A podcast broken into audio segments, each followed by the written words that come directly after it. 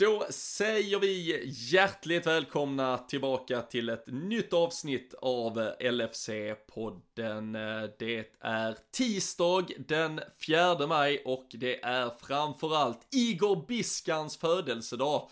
Ni hör vilken jävla dunderdag det är eh, som vi sitter här och ska dels eh, njuta eh, tillsammans såklart av att få prata Liverpool. Det har ju inte varit någon match att prata om. Det kanske för en gångs skull kan höja humöret lite här. Och eh, vi har ju eh, även saknat er såklart. Det var ju länge sedan sist och dessutom så drog vi ju vårt lilla, lilla strå till stacken och höll oss undan sociala medier i helgen. Men eh, nu är vi tillbaka. Vi ska väl försöka eh, att eh, ja, eh, tänka och tycka lite kring allt det som var ändå i söndags, även om det inte slutade i någon fotbollsmatch och sen så väntar ju även riktig fotboll igen på lördag kväll, avspark 21.15 mot Southampton, så eh, massvis att prata om. Vi är glada att vara tillbaka och vi gör såklart avsnittet i vanlig ordning tillsammans med LFC.se. Det är ju där ni hittar supporterklubben dag ut och dag in. En eh, dag som i söndags så behövdes det ju verkligen ett eh, nyhetsflöde och då var det ju där man hittade allt man behövde. Så som vanligt en stark rekommendation att man har LFC.se som sin landningssida och att man såklart blir medlem i den svenska supporterklubben. Nu gör vi oss redo för ett nytt avsnitt av LFC-podden och eh, jag välkomnar in Daniel Forsell i värmen.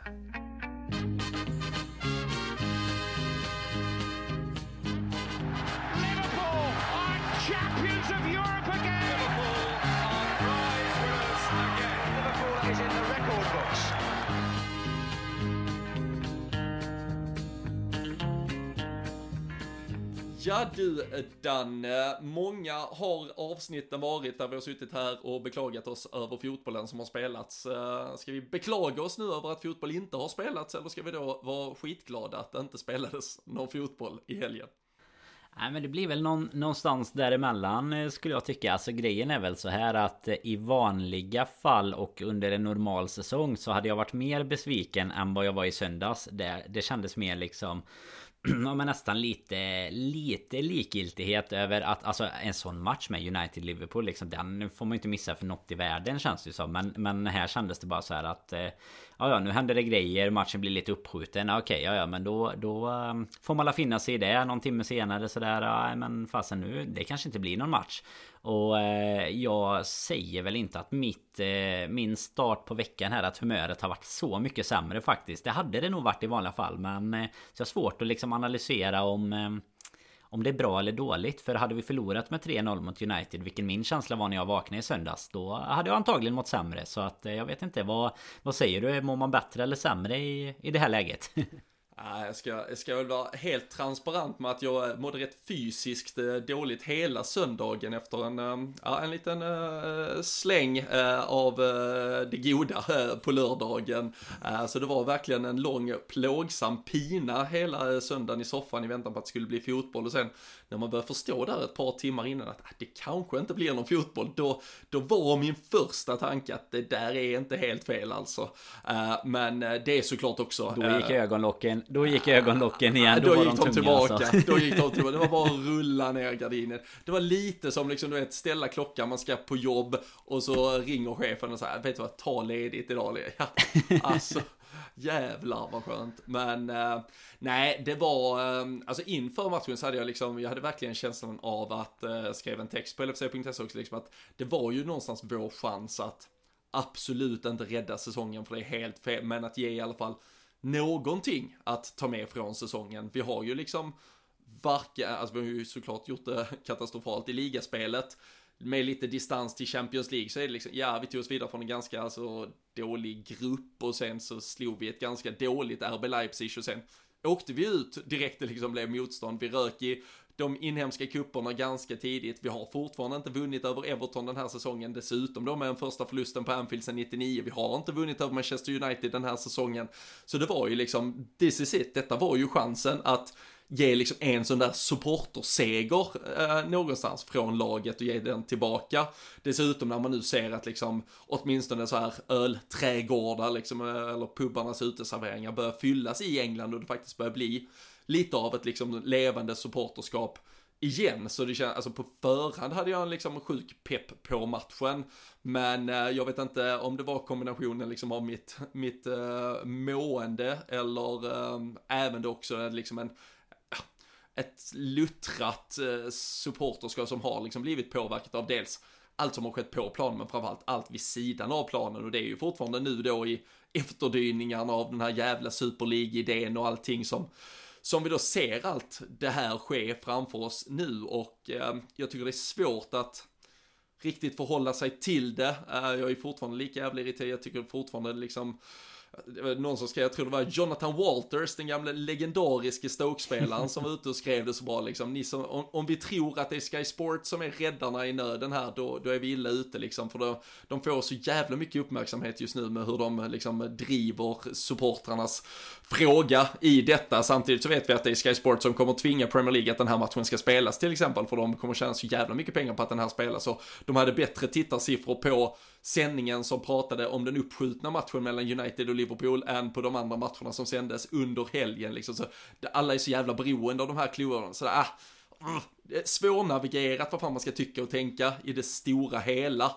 Men, eh, äh, det var... Ja men det hade vi ju ändå lite. Jag tänker vi hade Vi pratade ju faktiskt lite om det där efter det här eh, Superliga som mitten där. Eller då när vi nästan på fick göra ett liveavsnitt när alltihopa bara rammade igen liksom. Och det pratade vi ganska mycket om det med. Det är ju verkligen det. Alltså man Sky och, och alla de här. De, de går ju verkligen ut för att vara the good guys nu och liksom. Eh, ja, förstå vad, vad, ehm, varför de protesterar och hela det. Alltså det är Ah, det, det blir man inte helt eh, nöjd med ändå. Det känns som att eh, folk borde och förhoppningsvis då man Man har inte koll på vad precis alla tycker och tänker men man hoppas ju att folk genomskådar det och liksom inte Känner att det är eh, alternativet och så jäkla mycket bättre men sen eh, Ah, allt du radade upp där om hur den här säsongen har varit så känner jag bara kör vi en timme i Gobiska nu eller vad?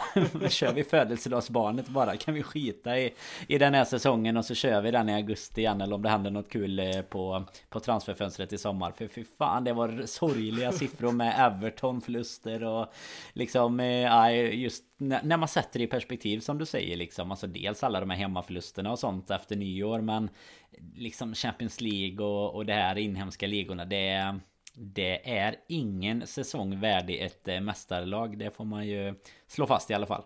Ja, nej men så, så är det ju verkligen. Och uh, kan ju faktiskt annars uh, glädja dig. Och ifall du inte pallar en hel timme i Gobishkan så är det också årsdagen sen uh, Origi nickade in 3-2 mot Newcastle på uh, St. James' Park i uh, den där guldduellen vi hade med Manchester City 2019. Eh, så det finns ju ändå positiva saker med den här eh, dagen, men eh, sportsligt för Liverpool, var vi är exakt detta datum idag, ehm, är väl kanske lite mer diskutabelt. Ehm, vi ska ju säga också, det kommer vi inte ha fått med i detta, det har inte kommit ut eh, allt officiellt vad som har sagts, men Spirit of Shankly och representanter från Liverpools mm. supportorganisationer har ju under dagen, däremot på inbjudan från Billy Hogan, uh, Liverpools CEO, uh, haft möte där man faktiskt uh, har liksom talat på det sätt som kanske en diskussion och som liksom negativa och såväl som positiva synpunkter och feedback ska framföras, där man faktiskt har suttit ner mellan ett par ögon istället. Och eh, mycket kan sägas om Liverpool och vårt agerande i hela Super League-fadäsen eh, som det var och eh, liksom den kanske någonstans tappade förankringen till lokalsamhället men eh, när man ser bilder från eh, hur det ser ut i London kring Arsenals matcher, hur det nu ser ut i eh, och omkring Old Trafford och eh, i hela Manchester i stort sett så måste man väl ändå när man zoomar ut vara ganska glad över var var Liverpool är i den frågan. Alltså jag, som sagt, jag har inte ändrat inställning till att jag tycker att våra ägare har gjort så pass många fel att det är verkligen hög tid att ifrågasätta om de ska vara kvar. Jag tycker att man kanske ska titta på andra lösningar. Jag tycker att de i ledande befattningar ska ta ett steg tillbaka. vi pratade ju lite skojsamt om det för någon vecka sedan, liksom, vem är, är det Billy Hogan nu man kastar under bussen istället? Här verkar man ju istället som jag hoppas kanske är den rätta vägen, att istället om John Henry och Tom Werner tar klivet tillbaka, låt Billy Hogan då kliva fram i detta om han kan föra en bra diskussion med supporterorganisationerna för även om alltså vem som än gör fel så den enda vägen fram, även om det skulle vara med nya ägare, är ju att ett större om man säger, inte, ja, ett, ett indirekt delägarskap, men i alla fall liksom en röst från fansen, att den ska involveras, är ju liksom kontentan vi måste landa i till slut.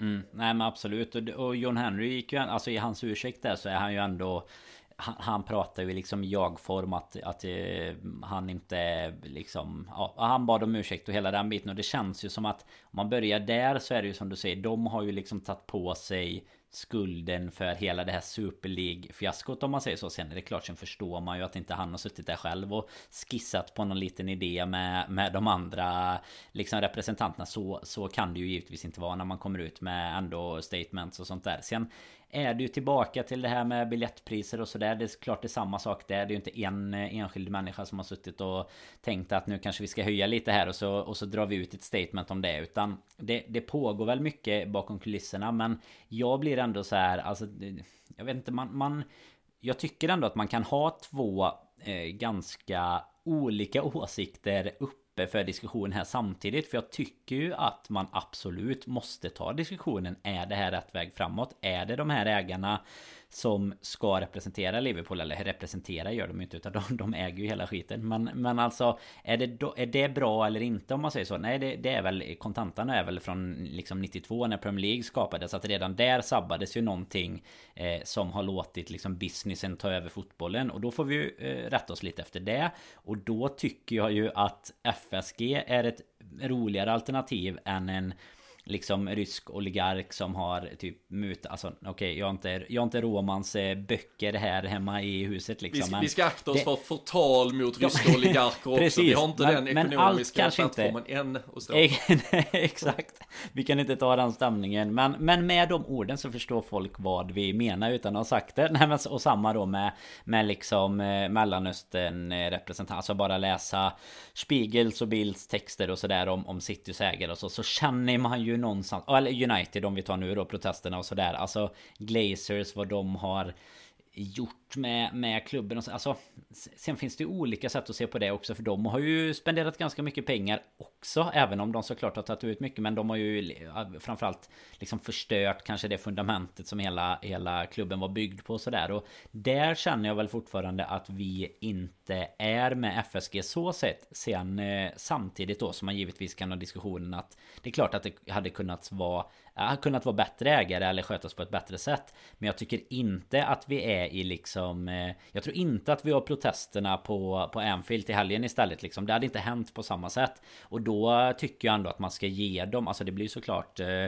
medialt väldigt bra också. Men, men sitter man så här långt ifrån man ändå man följer det just nu får man ju inte ens vara där och titta och sådär så Alltså att bara se att representanter från Spirit of Shankly verkligen får till ett äkta möte med klubben liksom de sätta sig ner och diskutera Säga vad deras, sin åsikt, vad de tycker är fel och sådär. Jag tycker ju ändå att det är någonting man också måste lyfta att de ganska snabbt för alltså man läste ganska mycket så här att ja men bra United eh, går in och säger till vad skåpet ska stå och sådär Men och så såg jag någon som kommenterade liksom Ja fast våra, våra supportrar Alltså största supportorganisationen närmast klubben sitter ner med CEO idag liksom och pratar. Och det är klart att det är viktigare än att stå och kasta flares på Old Trafford Även om det såklart eh, medialt ger ett utrymme och också visar för eh, Glazer och så vidare att, eh, att det de gör inte är uppskattat. Men det visste de ju, det är ju ingen nyhet såklart. Nej. sen, är det, sen är det väl lite så man måste göra. Jag menar få en match att bli inställd och så vidare Bara det ger ju ändå ett medialt utrymme som inte det gör om du står och delar ut flyglappar på stan liksom. Så att det, det finns väl Man kan göra på olika sätt och jag tycker väl att båda är relativt bra även om eh, det, det är såklart eh, klubben Det känns som att Liverpool lyssnar lite mer just nu. Eh, Det känns ju inte som att det är Det var ingen diskussion direkt på Old Trafford Utan det var här ju snarare bara Rena protester liksom. Ja, och det är väl där man kan, alltså sen förstår jag, det är ju inte så här att, det är inte så att det bara kom av, om vi pratar ur ett United-perspektiv, att det bara kom av liksom Super League och nu tyckte man det var enough is enough liksom, utan det, det här har ju varit i en, en 10-12 år eh, och redan från deras inträde i klubben att man tyckte liksom att de hade en ja, felaktig agenda kanske kring eh, hur de förväntades se Manchester United som liksom en kassako och eh, istället för att de skulle på något sätt ta, ta några risker eller liksom investera egna pengar och så vidare i det. Men jag tror vi egentligen refererar till samma uh, uppslag på sociala medier där det var liksom någon som hade lagt ut någon bild på att uh, vi stod ett par Liverpool-supportrar liksom inför vår senaste match med de bara banners sådär, enough is enough typ medan då mm.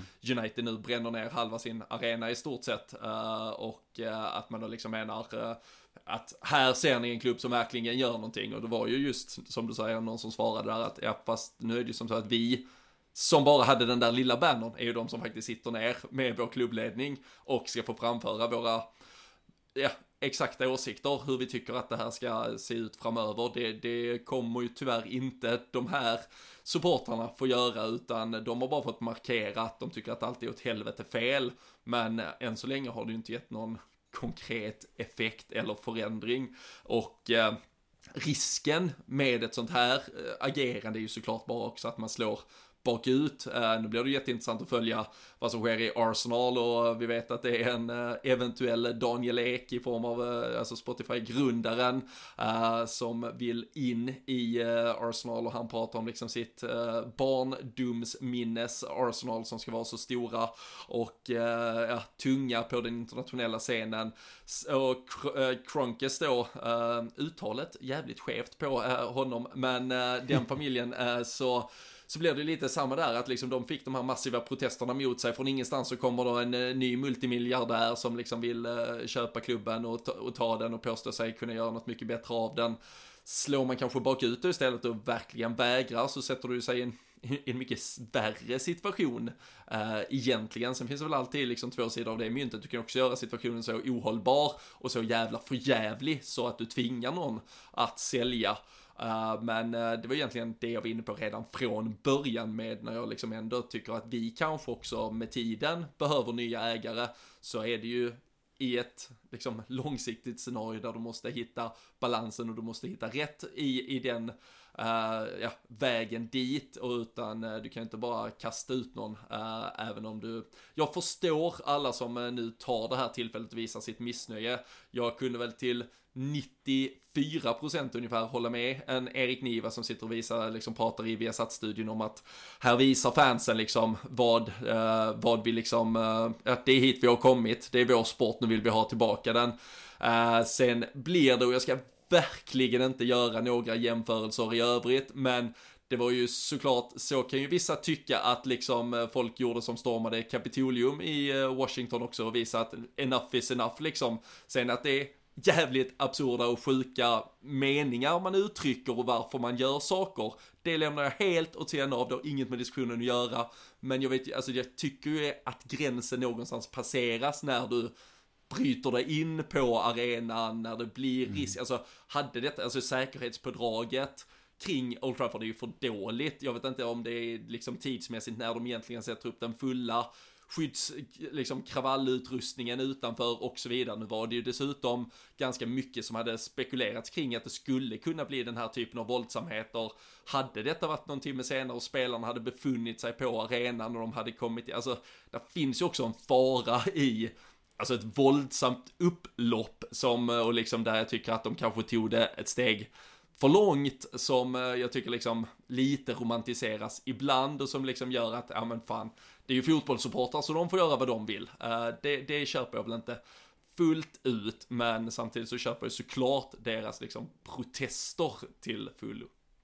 Ja, men det, det, är lite som vi pratade om Sky här innan, alltså deras, alltså lite då romantiseringen även av dem i, i det här sammanhanget och där de verkligen försöker då utnyttja detta och bli deras plattform att de är med fansen. Det är ju att de eh, satt ju och pratade om hur, hur peaceful och bra detta på ett sätt var att det kommer ut att de eh, Ja, att de inte gillar sin ägare Men vad fasen det är ju Det finns ju gott om klipp och bilder där, som visar att det inte var så jäkla peaceful eh, liksom. Och problemet är väl i ett sånt här läge att det, det blir ju också, alltså nu var det i och för sig ganska många såklart inne på Old Trafford men, men det blir ju en mindre massa om man jämför med de som var utanför som blir the bad guys på något sätt. Men det är ju tyvärr också så att eh, alltså människan överlag är ju ett flockdjur liksom. Så när eh, hundra har sprungit in då är det lätt att tusen till tycker att vi gör samma sak. För vi faller ju in lite under samma gäng här. Det är liksom inte tre som hade sprungit in på arenan heller. Och jag kan ändå, alltså jag håller med dig om det att man, man kan ändå hålla isär själva aktionen mot själva protesten om man säger så. För jag menar, det hade väl ja, nu, nu kanske det fanns något för det fanns ju ändå innan redan att så här, det kommer vara någon typ av typ protest slash demonstration utanför Old Trafford. Det visste ju liksom klubben om också.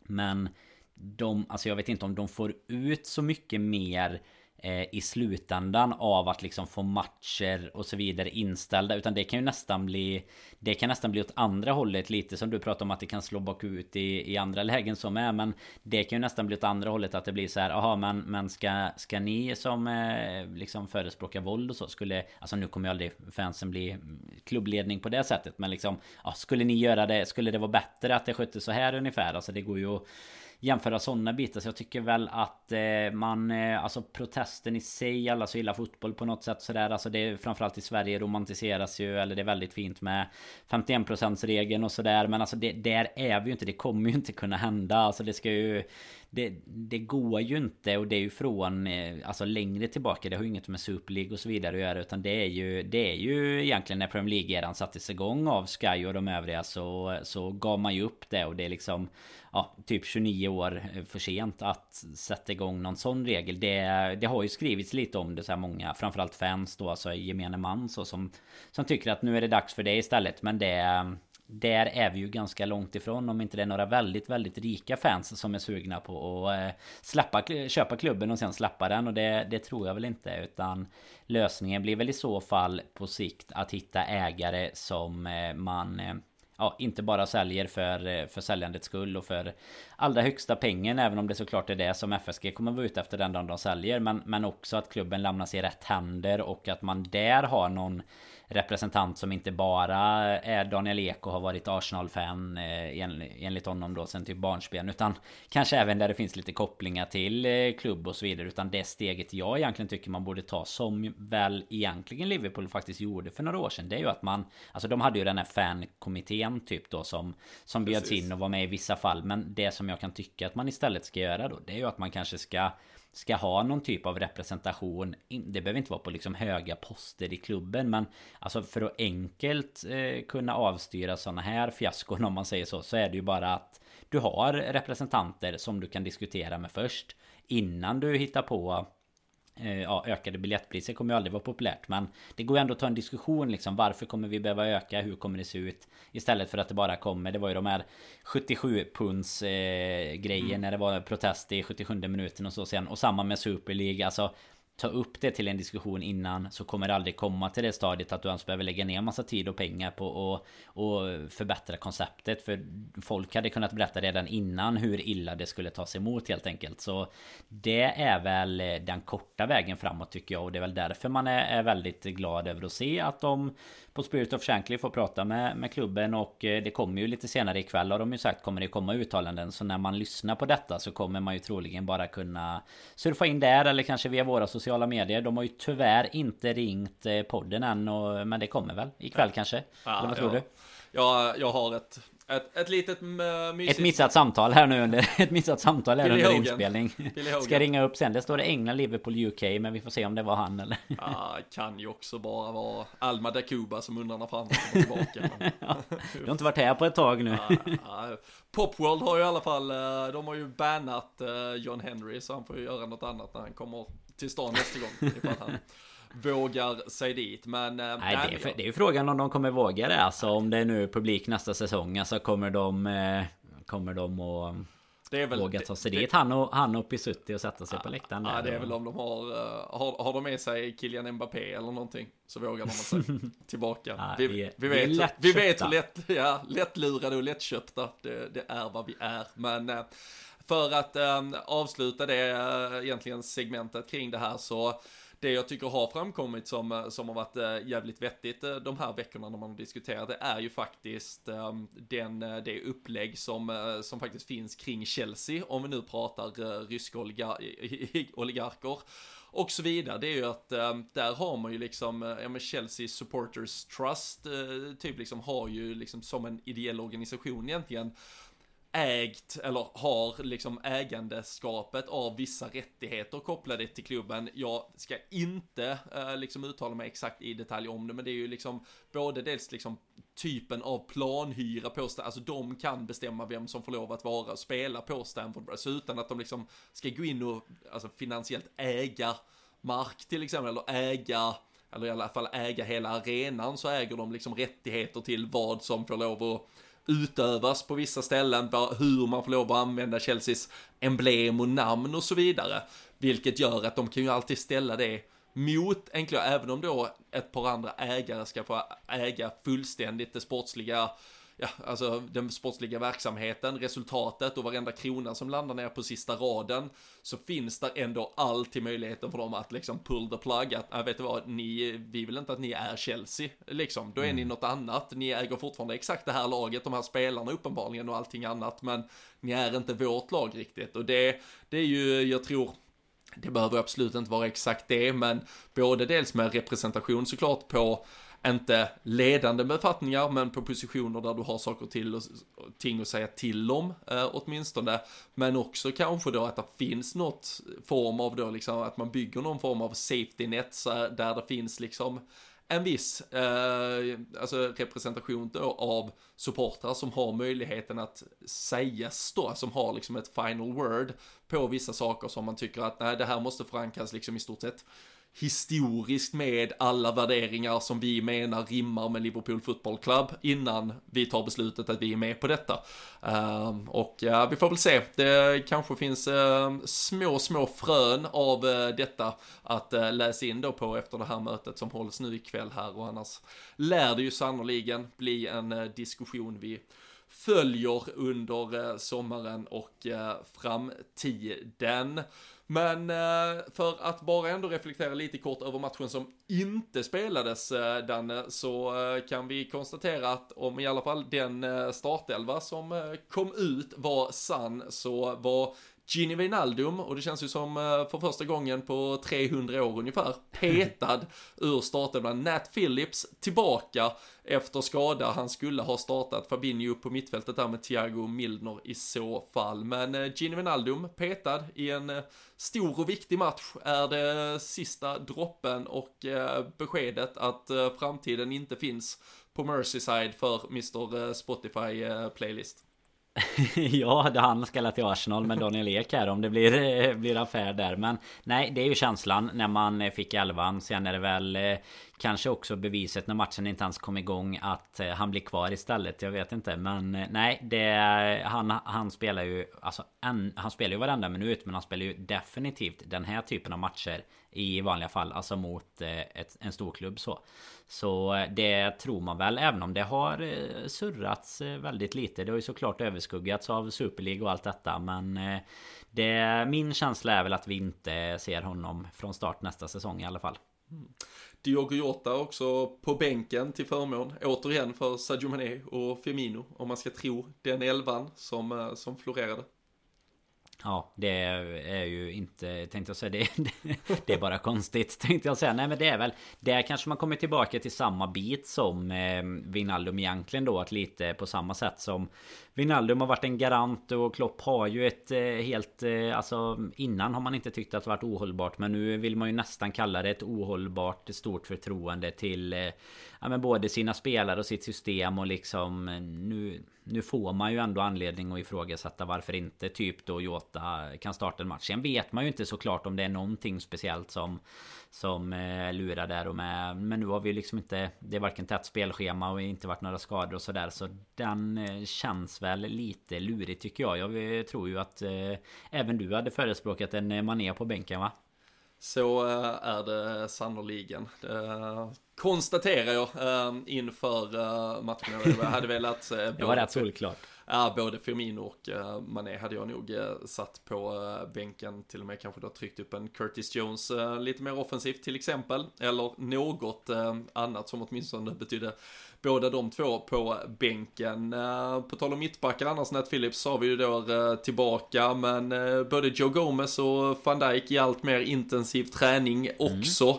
Mm. Klopp vill ju aldrig svara på den frågan, trots att han får den. Ibland på sina presskonferenser, framförallt van Dijk var på tapeten senast efter att man hade sett honom göra lite prestationer på träning. Men ehm, vad tror vi, blir det någon sista minut här på de tre veckor som återstår av säsongen eller eh, lägger vi bara grunden till att han ska gå rakt in och spela ett EM-slutspel och sen gå i sönder igen inför nästa säsong?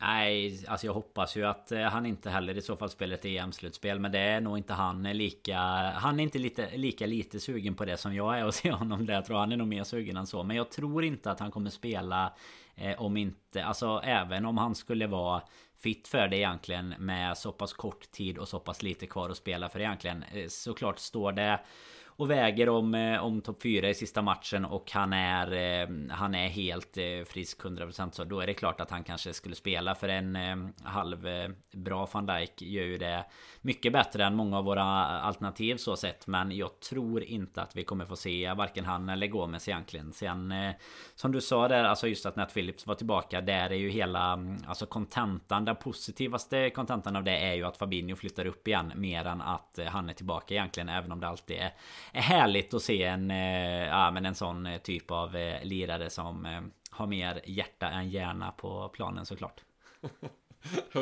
betyder det att han har otroligt stor, eh, stort eh, fotbollshjärta eller är det hans eh, fotbollshjärna vi ifrågasätter? Nej, jag vet, jag vet inte i och för sig hur han är eller? kunskapsmässigt heller. Men nej, men han har Han skulle väl dratt Det var väl det när han gick till oss att han skulle väl dratt till typ USA för studier och sånt egentligen. Och så fick han kontrakt med Liverpool. Så att jag får Jag låter honom eh, säga att det är fotbollshjärnan då. Att det är mer fotbollshjärta än fotbollshjärna på killen i alla fall. Ja, vi, vi låter kanske det vara osagt kring, eh, kring Nat Phillips. Men, eh, vi bjuder får... in honom om två år när han spelar i typ conference eller något när han kommer ha tid och gästa podden och berätta om de här åren. Då kan vi bjuda in honom och så lyssnar vi på det. Då. Ah, herregud, ja. Kommer att bli... Ah, det blir, det blir tio, tio snabba högskoleprovsfrågor till Nat Phillips. Det kommer i 2023 gissar jag ungefär.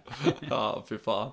Men nej, vi får se där. Eh, Van Dijk kanske blir Hollands Granqvist också. Jag åker med liksom på den där plats 26 nu. De utökar ju trupperna bekräftades idag av Uefa. Man får ha med 26 spelare till, till EM. Så äh, även om han inte är äh, liksom hundra så kan jag väl också känna att det äh, känns som han är spikad i den holländska truppen.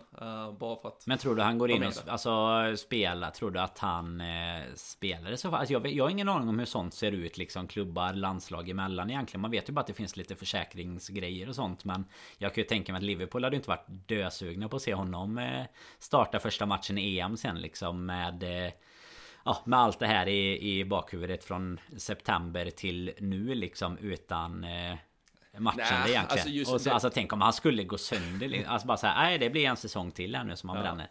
Det nej, varit, eh... nej, alltså samtidigt så, jag vet, jag vet inte, alltså det finns väl någon, någon oberoende panel till slut, men liksom det är ju klubbläkare och landslagsläkare såklart i en dialog som måste konstatera, alltså är han frisk? Alltså du kan ju ha, alltså nu pratar jag egoistiskt ur ett Liverpool-perspektiv, så kan det ju vara så sjukt egentligen att han friskförklaras liksom den 25 maj och vår säsong till slut den 23. Uh, mm. Och då är han ju liksom uttagningsbar för Holland och uh, liksom om han blir uppkallad så har ju Liverpool krav på sig att släppa honom. Uh, sen så är jag ju övertygad om att det är en diskussion mellan framförallt läkarteamen i både då klubb och landslag och van Dijk. Samtidigt så kan jag ju inte se Liverpool stoppa honom ifall han säger att nej, alltså fan, jag har gått, jag har fan suttit och sett det här jävla skitet till Liverpool-lag i ett år. Nu har jag chansen att spela EM, ge mig lite glädje liksom. Um, och jag tror väl at the end of the day att det bör vara mer positivt för Liverpool, alltså om han allt handlar ju såklart om att han är liksom fysiskt 110% för det. Skulle gå in och spela ett par matcher i ett EM-slut. Alltså jag, jag kan ju inte se att det egentligen ska vara negativt. Och, men jag tror ju samtidigt då liksom, finns det minst osäkerhet så kommer han ju inte göra det. Men, ehm, nej, äh, det, jag, jag, jag tror det finns en, ja, oavsett risk eller chans eller vad fan man vill se det som, så tror jag nog det finns en uh, möjlighet att uh, så skulle kunna bli fallet. Uh, det verkar ju så på liksom uh, tidsschemat i alla fall som man har tolkat det från början, att det är, det är nu snart han egentligen ska vara redo. Och då är väl frågan om vi liksom pressar in han på några sista minuter uh, i vår tröja eller om det blir uh, med, med det holländska landslaget istället. Det ser väl ut att vara lite liknande med Joe Gomez. Där tror jag ju dock att konkurrensen är liksom så pass stor. Jag kan ju inte se honom åka med till uh, ett mästerskap med England. Oavsett, alltså där finns ju tillräckligt många andra som dessutom då är 110% friska redan. Mm. Så där får vi nog en uh, hel sommars vila och detsamma gäller ju såklart en Joel Matip uh, oavsett vad som uh, händer där. Men det blir intressant med, med van Dijk och exakt hur, hur både Liverpool och Holland resonerar i det fallet. Det är fan det nervösaste jag kommer vara under hela EM tror jag. Det är när, när Holland ställer upp där. Jag, jag smyg kikade upp här att den 13 sjätte får vi ju svaret. Mot Ukraina. De har ju alltså Ukraina, Nordmakedonien och Österrike i gruppen. Vad, är, vad har hänt med EM? De, de ska ju klara, ju, de ska klara, alltså, gruppen, de ska klara gruppen utan van Dijk kan man ju säga. Så ja men alltså vad är det för grupp? Slutspelet. Jag vet ju inte vad som är Alltså för, för det finns ju en poäng i det du säger att spela om han är helt frisk och han spelar i EM utan att liksom dra på sig några skavanker. Det är klart att det är ju lika... Alltså det är ju jättevärdefullt ur eh, att komma in i match och sådär igen. Och jag vet ju inte om en EM-match mot Nordmakedonien eller en träningsmatch i Evian mot eh, något eh, lag där nere är mest jobbigt för honom faktiskt. Ja, det kan jag inte bestämma mig för. Nej, vad har, De... vi, vad har vi på Goran Pandev? Har han fyllt 40 än? 38, 39 är han väl i alla fall. Och han, han är, är, väl bäst i Nordmakedonien. Han är väl still going strong i alla fall. Det får man väl, eh, får man väl gissa. Alltså för fan, de har ju...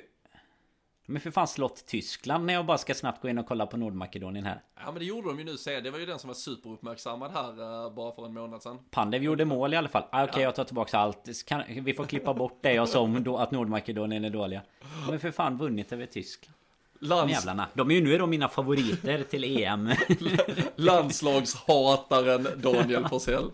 Jag håller på Nordmakedonien, van Dijk och Sverige in that order. Ja, exakt så är det. Jag får se, jag vet inte. Jag har inte sett här när eh, Holland, om de satt ett eh, exakt datum på sin trupputtagning. Sverige har ju satt den 18 maj, men eh, med Uefas besked idag, det här där de då pratar om de utökade trupperna till 26 spelare, så var det första juni kommer att vara ett så att ja, helt eh, liksom, eh, det är datumet då truppen måste vara helt spikad och eh, som sagt så får den då innehålla 26 spelare men man får bara anmäla 23 av de här 26 till vardera match fortfarande så det blir tre på läktaren men de finns tillgängliga att ta in snabbt om man skulle behöva. Och dessutom någon ny regel här med att en målvakt som skadas får lov att ersättas helt i truppen på grund av allt är ju såklart för att säkerställa att man kan spela EM utan det det som har skett i Premier League med uppskjutna matcher på grund av vissa coronasmittor och eh, så vidare. Men eh, vi, vi hoppas väl och tror att vi går mot eh, ljusare tider på alla sätt, även vad gäller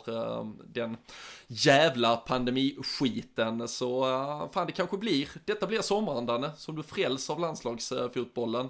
Pandev och van Dijk i en nickduell där i mm, omgång två och sen, sen, är du, sen är du såld.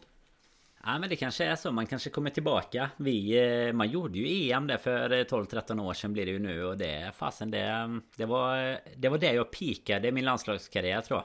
Eh, sen, har den, sen har den gått eh, stadigt neråt i takt med att eh, liksom hela Liverpool-biten Det är nästan det är ju efter det jag lärde känna dig sen och började åka bara till England hela tiden Så det är egentligen ditt fel att jag sitter där och hatar på Nordmakedonien skulle jag säga Om man nu ska Om man ska göra en eh, historisk tillbakablick här utan att och dra för stora svängar Så jag, ja. jag känner att jag får skylla på dig där helt enkelt Ja, det känns... känns är det hårt? Är det hårt? lite hårt, men jag tar det. Som sagt. Du har ju bjudit ner mig till Skåne till att titta på någon EM-match. Då kanske, vi, då kanske vi finner tillbaka kärleken där till till landslagsfotbollen. Det blir ju fint. Det ska väl vara lite publik och sånt i alla fall. Så att det är ju inte helt omöjligt att man eh, kommer smygkika lite bara av den anledningen. Bara för att liksom känna stämning och sånt igen. Det är ju nej, få saker man ser fram emot som... Eh, nu vet jag inte om det blir fulla läktare men, men läktare med publik på i augusti i Premier League igen. Det kommer ju vara... Ja. Nej, man ryser nästan. Så har man en sommar att se fram emot innan det. Så att vi går sannoliken mot ljusare tider. Det får vi hoppas. Det gör vi och eh, vi ska ju först och främst också avsluta den här eh, säsongen eh, som vi nämnde inledningsvis. Aj. Så är det, ja tyvärr Danne, vi måste göra det men vi ska ta skiten i mål. Och det är ju upplagt för att man ska få en förstörd lördagkväll här nu i helgen. När vi alltså har avspark mot Southampton 21 och 15 lördag kväll. Eh, det är ju bara att, eh, jag vet inte hur man ska lura folk där. Alltså det är en sak när det går bra, men alltså när det, när det går dåligt att sätta av eh, de här timmarna en lördag kväll. Men det, ja, det, det, var väl egentligen bara det som saknades den här säsongen. Att få liksom en riktig nattmangling en lördag som man verkligen skulle kunna lida sig igenom helgen. Ja men när man vet när man liksom eh, om, om det skulle bli så att man får en riktigt tuff match En dålig match i bagaget liksom När man vet så här alternativkostnader mot att man hade kunnat göra något roligt och liksom Spenderat med, med familj eller vänner eller sådär så nej Jag satt och kikade på 0-3 mot Southampton När Danny Ings gjorde hattrick och så sprang med så här eh, you, you shouldn't have eh, sold me eller något på, på undertröjan liksom nej, Nu, nu är du dock inte helt fantasy uppdaterad här För jag tror väl att Danny Ings är out va? Om vi ska alltså han är skadad än. Jag har inte kikat på Southampton ja. på länge faktiskt. De har ju... Ehm, de har ju inte rosat marknaden om man säger så. så att, eh, men det gjorde de ju inte sist heller innan vi mötte dem. Ändå lyckades vi förlora mot dem på bortaplan där. Så att... Eh, nej det kan stämma. Och så Minamino får de ju inte spela heller antar jag. I och med nej. lån och sådär. Så, de, de, de verkar i och för sig ha tolkat det som att de inte fick spela honom alls på hela säsongen.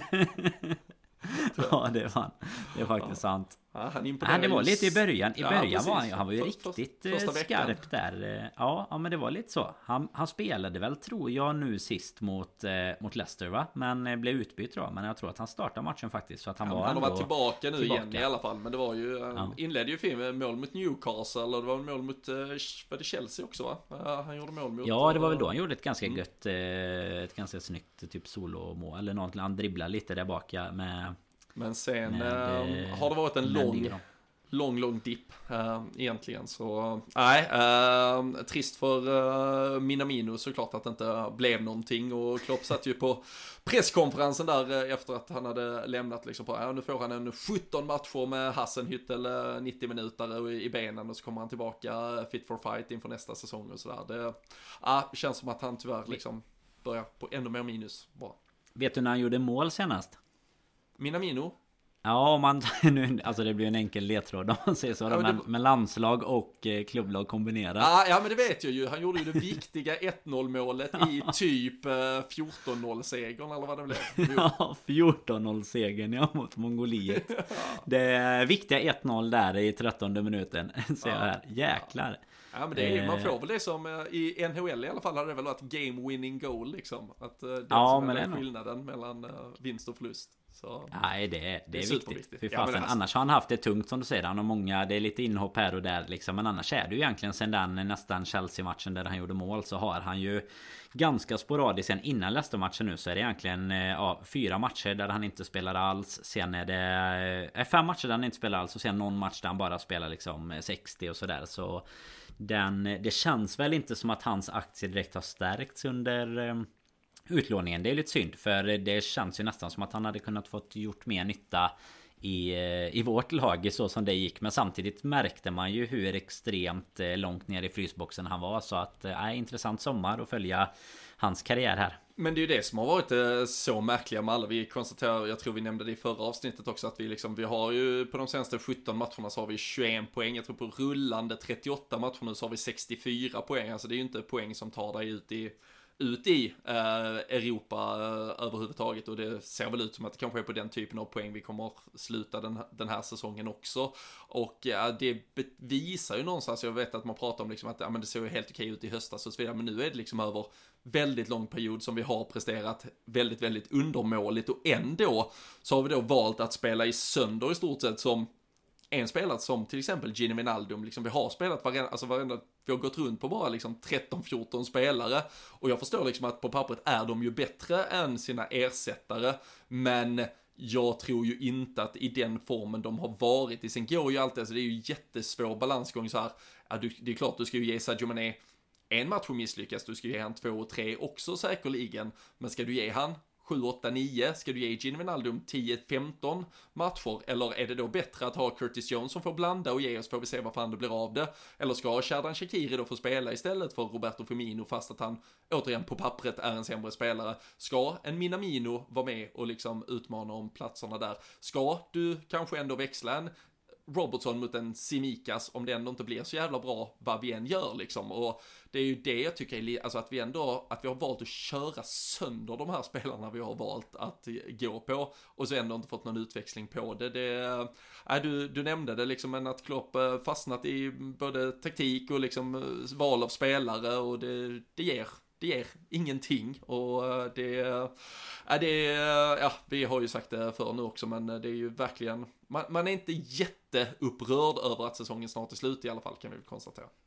Nej, verkligen inte. Det känns väl som att eh, med, med det här liksom... Eh, Eh, alltså såklart, jag tänkte säga antiklimax nästan. Det blir ju inte på det sättet i och med att vi, vi ändå fick eh, vinna våran titel och sådär. Men just hela den biten med att eh, man inte kunde fira det. Spelarna kunde inte fira det med fans och så vidare. Och sen hela den här säsongen som har blivit vad den har blivit egentligen då. Och framförallt nu eh, de sista månaderna här på vårkanten. Så eh, så är man ju inte helt främmande för lite semester. Det var ju en väldigt kort... Eh, det blev liksom en kort eh, mellanting av någon sorts uppehåll och inte också inför denna säsongen. Så att nu känner man väl bara, ja men som jag sa innan det här med att publiken ska komma tillbaka. Alltså lite normaliteten återvänder. Det börjar en säsong som vanligt. Det ska inte förhoppningsvis bli en massa uppskjutna matcher och flyttas fram och tillbaka och sådär. Och, och framförallt så, eh, så hoppas man väl också att eh, klubben och, och spelarna och och ska kunna börja leverera igen. För det blir ju ändå en intressant sommar och se lite vad vi gör. Vi har ju varit inne på det att vi har ju en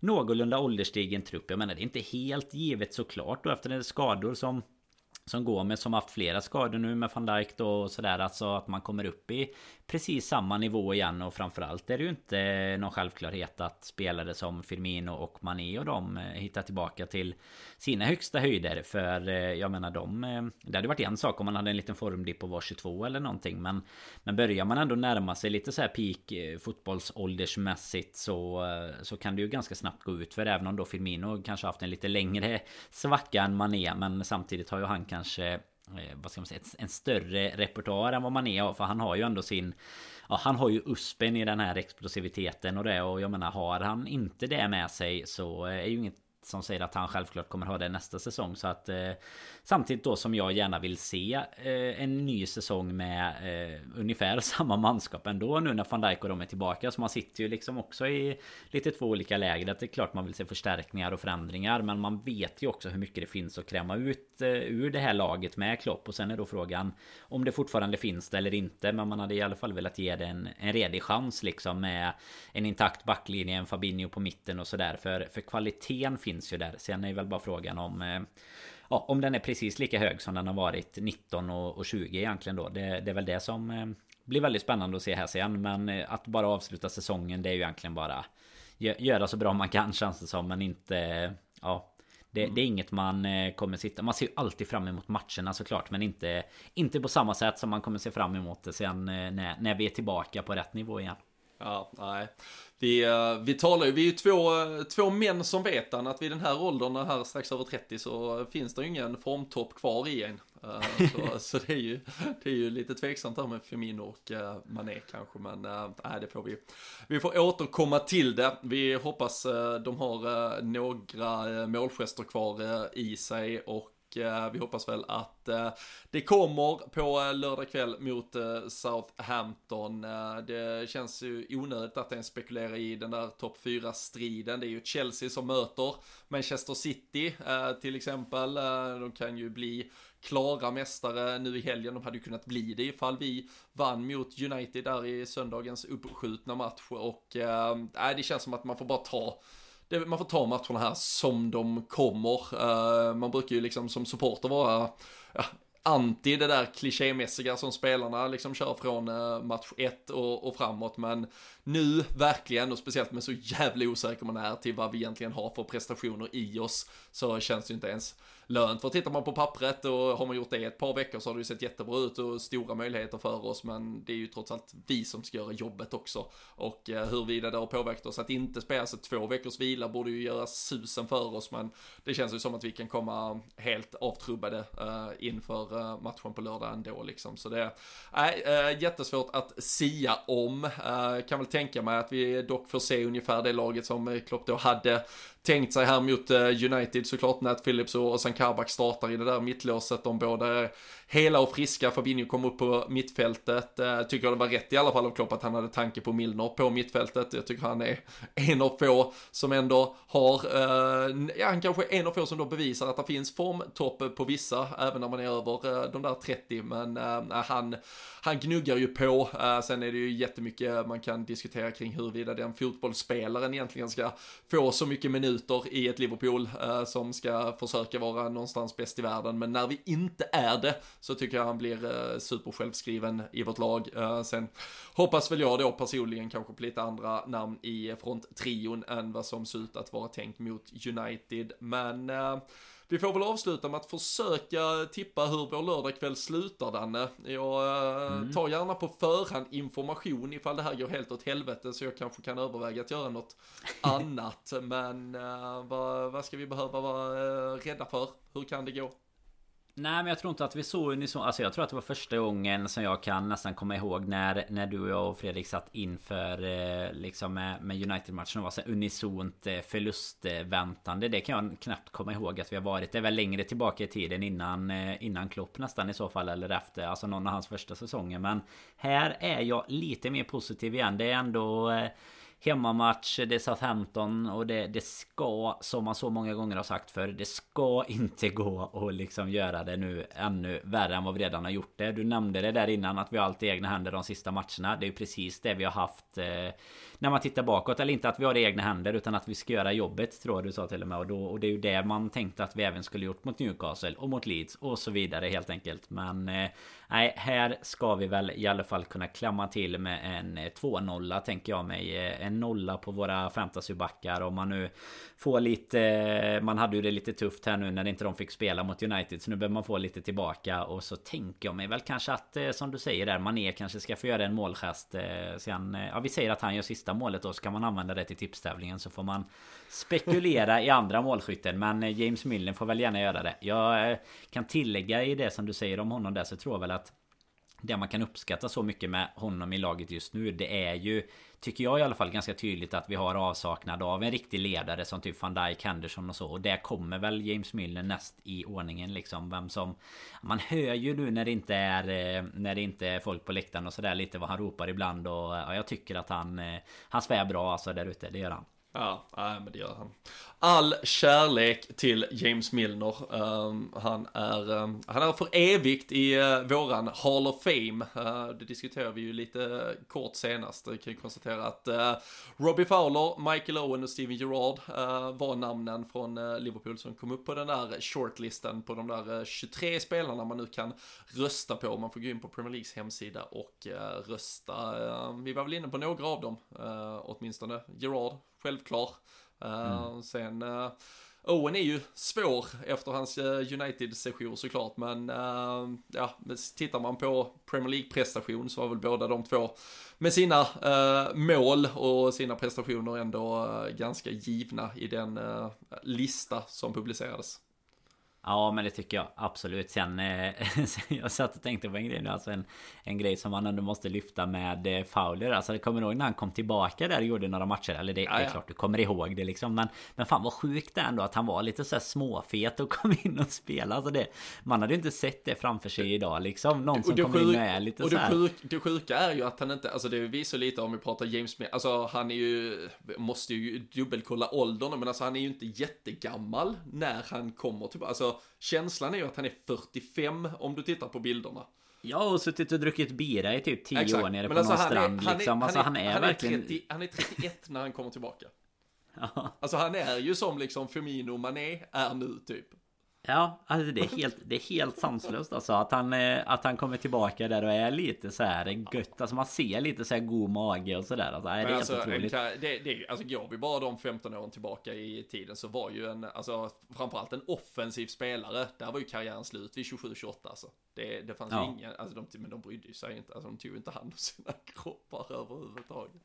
Uh, nej, nej, det är uh, faktiskt sanslöst. Men däremot så om man går tillbaka då till han, alltså kanske inte just den sessionen som får honom att vara med i den diskussionen. Utan det är klart att eh, en otrolig, en otrolig spelare också när han var lite yngre, precis som Owen. Så de, det är väl inte, alltså Gerard självskriven, de andra eh, absolut bra, bra namn som är med, eller vad man ska säga. Det, ska man ta några Liverpool-spelare så är det väl, eh, väl ändå de med eventuellt något eh, något tillägg eller fråndrag där. Men som du sa, typ en Suarez och sådär. Men där, där pratar vi kanske en kortare. Det känns ju när man tittar på den shortlisten som att de, de har velat ha en lite längre prestation liksom i, i ligan. Suarez har liksom en så kort och intensiv eh, session där han liksom är bäst egentligen. Men här känns det som att de mer har gått på Ja, det, det ska vara några utmärkelser i årets lag och det ska vara liksom någon, kanske någon skytteliga eller någonting sånt. Eh, så. Såklart, så att eh, nej, det, vi får la se här. Om de Däremot, får, får eh, komma in. Cred till dem och örat mot marken för en gångs skull att man inte tog med Ryan Giggs som såklart hade kvalat in på sportsliga meriter men som man just nu nog gör uh, rätt i att eh, inte inkludera i eh, några som helst upplyftande sammanhang. Så vi kan väl avsluta med de orden. Liverpool Southampton som sagt lördag kväll när vi trycker på stoppknappen här nu så vet vi fortfarande inte vad som gäller med Liverpool mot Manchester United på Old Trafford. Den ska väl spelas någon gång här i framtiden. Vi får ju se om det påverkar så att vi dyker upp med något extra avsnitt. Annars är vi såklart tillbaka efter helgen och eh, Southampton-matchen. Eh, det börjar bli hög tid att eh, därefter snart också summera säsongen på alla sätt och vis. Så ni kommer få stå ut med oss ordentligt här ett par veckor till och vi hoppas ju att det snart också blir möjlighet att vi kan samlas och ses och att man kanske framförallt inför starten av nästa säsong kan börja fila på något roligt tillsammans. Vi kör våra tipstävlingar, lite specialavsnitt på Patreon. Eh, där är eh, lite fantasy special som ligger ute nu här också efter att vi har avslutat april månad där vi kör lite tävlingar för varje etapp och månadssegrare. Men eh, mycket annat kul som väntar såklart också. Så in på patreon.com slash podden om ni inte redan har signat upp er där. Och eh, håll såklart utkik efter nya avsnitt och annat kul så hörs vi och ses vi snart igen.